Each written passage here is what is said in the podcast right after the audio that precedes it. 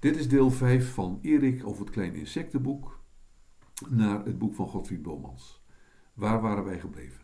Erik is heel klein geworden, is terechtgekomen in het land Wollewij en heeft daar gedineerd bij de familie van Vliesvleugel. Geen groot succes. Daarna is hij op de rug van een hommel gevlogen naar een hotel en heeft daar kennis gemaakt met de eigenaar van het hotel. Dat hotel is trouwens een heel groot slakkenhuis. Die eigenaar was zelf ook een slak die heel erg langzaam praat. En heeft Erik een kamer verhuurd in zijn hotel. Daar is Erik in zijn bed geklommen en in slaap gevallen. Toen Erik de volgende ochtend wakker werd, was zijn kamertje helder verlicht. En over het blanke plafond wiemelde de zon alsof ze buiten in het water scheen. Hij stapte uit zijn bed en keek uit het raampje. Oh, het was een heerlijke dag. Dauwdruppels, groter dan een mannenvuist, hing in de reizende zon, hingen in de reizende zon te twinkelen en te flikkeren, dat het Erik haast pijn aan de ogen deed. En telkens als de wind in de reusachtige halmen roerde, gleden zij met groot geraas naar beneden en barsten in een vuurwerk van kleuren uit elkaar. Dan brak er onder de voorbijgangers zulk een paniek uit dat Erik telkens als het gebeurde in lachen uitbarstte, wat zeer onbeleefd was. En menig insect keek dan heel erg boos naar hem. Een, een spin werd zelfs nijdig en riep, terwijl zij al haar armen in haar zij zette: Is het echt zo leuk, meneer? Is het nou werkelijk echt zo leuk? Ach kom, is dat nu zo aardig, hè? Nou, nou. En zij bleef dit maar telkens herhalen tot ze geweldig was opgezwollen en op de grond moest gaan zitten om weer bij te komen. Maar gelukkig, precies toen ze weer opnieuw wilde beginnen, kwam er een hele grote dauwdruppel aangerold en spoelde haar naar beneden. Erik was er wel van geschrokken. Laat dit een les voor u zijn, meneer, sprak een meekever die het gebeurde had aangezien, en, gedraagt u, en gedraagt u zich in het vervolg als een kever. En hij knikte om aan te geven dat de predikatie, dat is, een, dat is iemand de les lezen, hiermee was afgelopen. Erik waste zich snel en kamde zijn haren in een klein stukje spiegelglas dat aan de wand hing. Een handsop aan te hebben is toch wel gemakkelijk, dacht hij intussen. De gedachte waarmee hij ook in slaap gevallen was. Want je hoeft je ook niet aan te kleden. Waarom hebben toch niet alle mensen een handsop?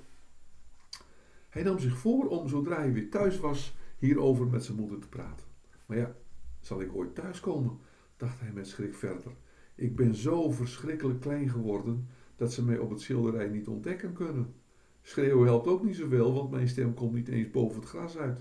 Het enige wat overblijft is dat ik zelf de rand van het schilderij, de lijst, probeer te vinden. Toen hij tot dit besluit gekomen was, voelde hij zich opgeruimder en stapte vol vertrouwen door de lange gang naar de ontbijtkamer. Die was gemakkelijk te vinden, want het hele huis geurde naar het ontbijt. De meeste gasten waren al aanwezig en zaten om de tafel. Het waren de twee bijen, de torren, AAM Hoog Hooiwagen, de drie kevers, J. Mug, de sprinkhaan, twee bronvliegen en nog wat beesten die Erik niet direct kon thuisbrengen. Het slakje zonder huis was nog onderweg en de duizendpoot was nog bezig om al zijn schoenen aan te trekken en zou op zijn vroegst om half elf pas verschijnen. Ook de rups was nog niet aanwezig. En daar was Erik wel blij om, want hij vond het maar griezelige beesten, die rupsen. Ze stonden allemaal op toen hij binnenkwam. Erik boog en zei: Mag ik mij ineens aan u allemaal tegelijk voorstellen? Mijn naam is Erik, Erik Pinksterblom. Aangenaam, antwoordden ze allemaal. En de springhaan maakte daarbij een klein sprongetje. U hebt een leuke naam, sprak dit merkwaardige dier. Pink gaat naar boven en Blom gaat weer naar beneden. En hij maakte weer een klein sprongetje. Let maar niet op hem, sprak de bij. Hij heeft het al heel lang. Mijn naam is Bij. U hoeft zich niet allemaal aan mij voor te stellen, zei Erik, want ik ken u namelijk zeer goed uit soms beknopte natuurlijke historie. U bent een kever, u een mug, u een sprinkhaan, en hij noemde zonder aarzelen al hun namen. Soms beknopte natuurlijke historie was dat boek waar Erik heel veel uit moest lezen over insecten, omdat hij de volgende dag een toets over insecten had. Dat is zeker hoogst opmerkelijk, sprak de bij verwonderd. Kent u dat ook? En hij wees naar een tafeltje apart. Jazeker, zei Erik, dat is een kakkerlak. Hij legt zijn eitjes in afval en bladeren en planten en houdt zich bij voorkeur op in vochtige en donkere plaatsen. Allemaal applaudisseerden ze. En de kakkelak keek alsof hij betrapt was. En mij? vroeg de sprinkhaan. Kent u mij? U bent een sprinkhaan, antwoordde Erik. U heeft geleden poten en een geringd bovenlijf. U leeft van bladgroen en behoort tot de zogenoemde schadelijke insecten. De sprinkhaan fronste plotseling de wenkbrauwen. Bedoelt u daar soms wat mee? vroeg hij, Erik wantrouwend aankijkend. Oh nee, oh nee, volstrekt niet, riep Erik verschrikt. Het staat zo in het boek. Oké, nou dan is het goed, zei de sprinkhaan. Hij ging weer zitten en keek geheel voldaan in het rond. Het is zeer frappant, verbaasde zich een meikever, te weten wie men is zonder, aan, zonder er aan voorgesteld te zijn. Weet u ook wie ik ben? U bent een kever, zei Erik beslist. En wie ben ik? vroeg een dagtor. Erik keek de dagtor ingespannen aan en zei toen: Ik herken u wel, maar u hoorde tot de kleine lettertjes. Die hoefden wij niet, maar als je wou, dan mocht je wel. Ik denk dat Henkje Schollema het wel zal weten. Henkje Schollema? Wie is Henkje Schollema? vroeg de tor. Dat was de knapste jongen van de klas. Hij zat schuin voor mij en als ik mijn hand uitstak kon ik hem gewoon aanraken. Hij wist alles. Hij leerde ook de kleine lettertjes, maar trots was hij niet. U behoort in elk geval tot een intelligente diersoort, besloot de bij. Als u naast mij zou willen plaatsnemen, zult u zich stellig op uw gemak voelen. Oh ja, graag, zei Erik. Hij verwonderde zich erover dat alle dieren plotseling zo beleefd en eerbiedig naar hem waren. Tot zijn oog viel op het boek Schicksal der Gegenwart, dat boek van de hommel dat hij gisteren hier had laten liggen. Hij schrok, maar het was te laat. Ontwikkelde dieren ontmoet men reeds zelden, sprak de bij, een weinig stuifmeel op zijn boterham strooiend, maar geleerden die boeken schrijven zijn met een lantaarntje te zoeken. Vooral Duitse werken, daar heb ik veel eerbied voor. Men voelt bij elke zin, daar steekt iets achter. Maar ja, wat? Dat is het hem juist. En hij keek glimlachend in het rond. Ach, zo moeilijk is het niet, mompelde Erik. Ho, ho, riep de kever. Dat zeggen ze allemaal, die geleerden, en daaraan ken je ze precies, juist. U bent een schalk, maar u misleidt ons niet, hoor. Haha. Ik snuffel zelf al eens graag hier en daar wat rond, hernam de bij, en dat brengt mijn, en dat brengt mijn beroep ook mee natuurlijk. Zo ben ik, zonder mezelf met u te willen vergelijken, toch al aardig wat te weten gekomen, al zeg ik het zelf. En wat is dan uw beroep? vroeg Erik, die het vervelend vond dat iedereen zo bescheiden was en graag de bij eens in het middelpunt van de belangstelling wilde zetten. De bij bloosde van genoegen. Waar heb ik het nu gelaten? mompelde hij, ijverig tussen zijn borstringen zoekend. Ah, juist. En hij overhandigde Erik zijn kaartje. E.J.H. Bij, washandelaar. Ja, goed, zei Erik. Maar wat bent u nu? Hoezo? vroeg de bij. Nou, ziet u, zei Erik, het kaartje nog eens overlezend. Het is toch wel erg omslachtig om te zeggen dat u handelaar was. Zou het niet beter zijn om meteen te zeggen wat voor handelaar u nu bent? Ja, maar ik ben handelaar, riep de bij. Dan moet u niet zeggen dat u handelaar was en niet schrijven dat u handelaar was, zei Erik. Het gesprek begon opeens vreselijk ingewikkeld te worden. Was handelaar. Hij was natuurlijk handelaar in was. En het duurde even voordat de meikever de knoop ontward had. Ik handel in was. Ik was geen handelaar. Ik ben handelaar. Ik doe alles verkeerd, dacht Erik verdrietig bij zichzelf. Toen het, verschil was bij, toen, het, toen, het, toen het geschil was bijgelegd. Hij at een blaadje sla en keek schuchter om zich heen. Maar iedereen was alweer bezig met eten en praten. Ziet u, zei de tor. Zo gaat het hier nu elke dag. Echt wat je noemt gezellig. Je praat wat, je eet wat en voor je het weet is de dag om. Toen ik hier twee jaar geleden voor het eerst kwam, was ik op doorreis met een stukje paardenmest dat ik verkopen wou. Let wel, op doorreis. Maar het was nogal laat geworden, de avond was gevallen, de kou begon te nijpen. En u kent dit. Jazeker, zei ik. Weet je wat, denk ik? Laat ik hier de nacht doorbrengen. Dit is een hotel, een aardig hotel. Lichtaardig, niet te duur. Uh, ja, uh, mag ik even onderbreken, zei Erik. Hoe duur is het precies? Iedereen betaalt met wat hij levert of verzamelt, antwoordde de tor. Ik betaal drie, ik betaal bladluizen in de week.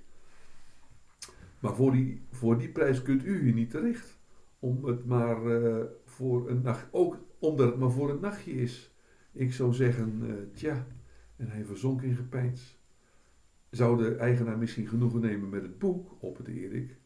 De tor schrok zich wezenloos. Maar meneer Pinksterblom, zei hij, dat is toch veel te veel betaald. Twee of hoogstens drie bladzijden eruit, dat is mooi genoeg.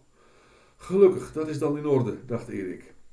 Het was alsof er een pak van zijn hart gevallen was. En hij keek opgelucht om zich heen. Om eens rustig het gezelschap op te nemen waarin hij beland was. Nou, dat waren toch wel hele wonderlijke disgenoten. Links van hem zat een hooiwagen, die met zijn armen en zijn benen geen raad wist. En iedereen onder de tafel tegen de enkels schopte, terwijl de torren aan de overkant weer klaagden dat hun armpjes te kort waren, omdat de gerechten, die midden op tafel stonden, binnen, die waren buiten hun bereik. En dat uh, hiervan door de anderen op laaghartige wijze werd geprofiteerd en alles opaten. Weer anderen raakten met hun volhoorns verward in die van de overbuurman. En Erik moest er telkens aan te pas komen om de knoopjes los te peuteren en de partijen tot bedaren te brengen. Het slakje zonder huis, dat inmiddels was binnengekomen, had weer een ander nadeel. Hij was te langzaam en telkens als hij tot het besluit gekomen was om zich van een gerecht te bedienen, was een ander hem voor. Ten slotte trok het slakje zich met een treurig gezicht onder de tafel terug. Iedereen heeft toch wat, peinsde Erik. De mens is stellig het beste gemaakt. Maar daar vergiste hij zich toch weer in. Want het volgende ogenblik had de bij met haar lange tong het stukje honing dat Erik juist naar zijn mond had gebracht, uit zijn handen weggepikt. En Erik kon slechts verbaasd in het rond kijken waar het gebleven was. Hi hi hi, lachte het insect een stuk van zijn tong uitstekend. Doet u dat maar eens na, meneer Pinksterblom? Alle lachten hartelijk om de grap en Erik lachte tenslotte ook maar mee. Er werd overigens druk gepraat en geschertst en de sprinkhaan, die een glaasje te veel op had, begon plotseling als een gek door het vertrek te springen. Toen de andere dieren bemerkten hoe verbaasd Erik op zijn stoeltje de sprongen van het beest naoogde, toonden zij allemaal wat zij konden. De bij demonstreerde onder eerbiedige stilte hoe men kon vliegen en toch bijna onbewegelijk op één punt kon blijven hangen. En een paardenvlieg liet zien hoe hij onder het wassen zijn hoofd tussen zijn voorpoten nam en zelfs een eindje voor zich, voor zich neerzetten kon. Waarop de anderen het hoofd snel verstopten en het arme dier wanhopig door het vertrek holde om zijn hoofd terug te vinden. Kortom, het werd zo gezellig dat zelfs de kakkerlak aan het aparte tafeltje flauwtjes durfde te glimlachen. En juist wilde Erik op zijn stoel klimmen en een klein toespraakje houden, toen hij, waarmee hij op het diner van oom Frederik zoveel opzien had gebaard, toen de slak in de deuropening verscheen. Mijne heren, sprak hij zenuwachtig, mag ik u even storen? Ik vrees dat er iets gebeurd is. Kamer 14 geeft maar geen antwoord. Ze kwamen allemaal dichterbij. Het is de kamer van meneer Rups. Het is de kamer van meneer Rups, vervolgde de, slag, vervolgde de slak, zenuwachtig zijn ogen over elkaar wringend. Ik breng hem altijd zijn, kop, zijn kropje bladgroen op bed, zoals u weet, maar dit keer kreeg ik geen antwoord. Ik dacht, meneer slaapt nog. Ik zal over een uurtje maar eens terugkomen. Goed, ik kom terug ik klop, ik roep, weer geen antwoord. Ik vrees dat meneer, hij was de laatste tijd zo stil en neerslachtig. Ze haasten zich allemaal naar kamer 14. Het was een verschrikkelijke tocht, want alleen de slak kende de weg en ze moesten er bij elke bocht op hem gewacht worden tot hij weer bij was. Man, riep de springhaan, vertwijfeld tegen het plafond springend, kan het nou niet wat harder? Dit is mijn topsnelheid, meneer, hijgde de slak. Nog even sneller en ik voeg er nog een lijk aan toe. Deze zin bracht de ernst van de situatie weer naar voren. Ik herinner mij, sprak een spin, toen ze weer allemaal bij een bocht stonden te wachten, dat onze goede vriend de laatste tijd zeer eenzelvig werd. Het was alsof er een stil verdriet aan hem knaagde. De hele dag kon hij zo stilletjes weg voor zich uitstaren. En vroeg je dan: Wat scheelt er aan, kerel? Kan ik je helpen? Dan schudde hij alleen maar zijn hoofd op en neer. Merkwaardige wijze herinnerde ieder zich weer een andere bijzonderheid, waaruit bleek dat hij dit al lang had voorzien. Misschien is er een vrouw in het spel, opperde de paardenvlieg tenslotte, en alle keken ernstig voor zich uit. Erik vond het heerlijk dat hij bij zulke grote mensengesprekken aanwezig mocht zijn. Mijn heren, sprak de slak, toen ze eindelijk voor het deurtje stonden, wat er ook gebeurt, ik verzoek u de grootste discretie in acht te nemen en de autoriteiten er zoveel mogelijk buiten te laten. De naam van mijn hotel staat op het spel. Maar het hotel heeft nog helemaal geen naam, merkte de, kakkerlak op, merkte de kakkerlak op, die in de achterste rij stond. Aan deze opmerking schonk echter helemaal niemand aandacht, want het was maar een kakkerlak. Het beste is, vervolgde de eigenaar, nadat hij zich op een ogenblik in zijn huisje had teruggetrokken om bij, zichzelf te beraadslagen, als wij allemaal rups roepen. Ik tel tot drie. Opgelet. Eén. Iedereen wachtte. Nou, toe dan, riep de sprinkhaan. Komt er nog wat? Ja, ja, mompelde de slak, hevig nadenken. Ik ben opeens de tel kwijt. Ah, met dat beest zou je toch je bezinning verliezen, sprak de sprinkhaan. Opgelet, heren. 1, 2, 3. Rups, klonk het, prachtig tegelijk. Er volgde een diepe stilte. We zullen de deur moeten forceren, vervolgde de sprinkhaan, bijna opgewekt. Kom aan, heren. En hij sprong tegen het paneel dat het kraakte. Doch hoe, doch hoe men ook duwde en zoegde, er was geen verwikken aan. Uh, het, is, het materiaal is solide, stelde de slak niet zonder welgevallen vast. Dat zien de heren zeker wel. Als u nu uw oog eens door het sleutelgat naar binnen brengt, zei Erik, dan kunt u precies zien wat er eigenlijk aan de hand is. Allen gaven luide hun bewondering voor deze prachtige inval te kennen. De slak kroop een eindje terug en bracht uiterst behoedzaam zijn oog naar binnen, terwijl hij langzaam op de deur toe kroop. Niet dringen, heren, riep hij voortdurend. De minste beweging kan noodlottig worden. Allen hielden hun adem in. Het oog bleef wel een volle minuut in de kamer en, hoe zij de eigenaar ervan ook ondervroegen, deze scheen sprakeloos van verbazing. Eindelijk trok de, de slag het oog terug. Mijn heren, sprak hij met trillende stem. Er is een misdaad in het spel. Meneer Rup zit helemaal vastgebonden in de hoek van, een, van de kamer. Men was stil van ontzetting. Maar Erik ging een licht op. Het, het is een pop, zei hij. Een wat? vroeg de slak. Een pop of kokon, zei Erik. Als de rups een vlinder wil worden, spint zij zich in en wordt een pop. En na een tijdje komt ze eruit en is een vlinder. Dat begrijp ik niet, sprak de meskever. Ik ook niet helemaal, zei Erik, maar het is toch zo. Het staat bij Solms. Ja goed, maar waarom moet die gekheid nou juist in mijn hotel gebeuren? riep de slak. Kan meneer daar niet een andere plaats voor uitkiezen? Nee, opeens moet het gebeuren, zei Erik. En dan is het ook niet meer tegen te houden. De rups wordt slaperig, ze eet niet meer, ze zwaait op en neer met de kop. Precies wat ik zei, onderbrak de spin. Ik had het al lang in de gaten. Zwaait op en neer met haar kop, hernam Erik, die dit gedeelte van soms met kleine letties al uit het hoofd kende, en trekt zich terug in het donker. Liefst windstil, in, in een donker, liefst windstil hoekje. Grote, grotere soorten graven zich zelfs in de grond.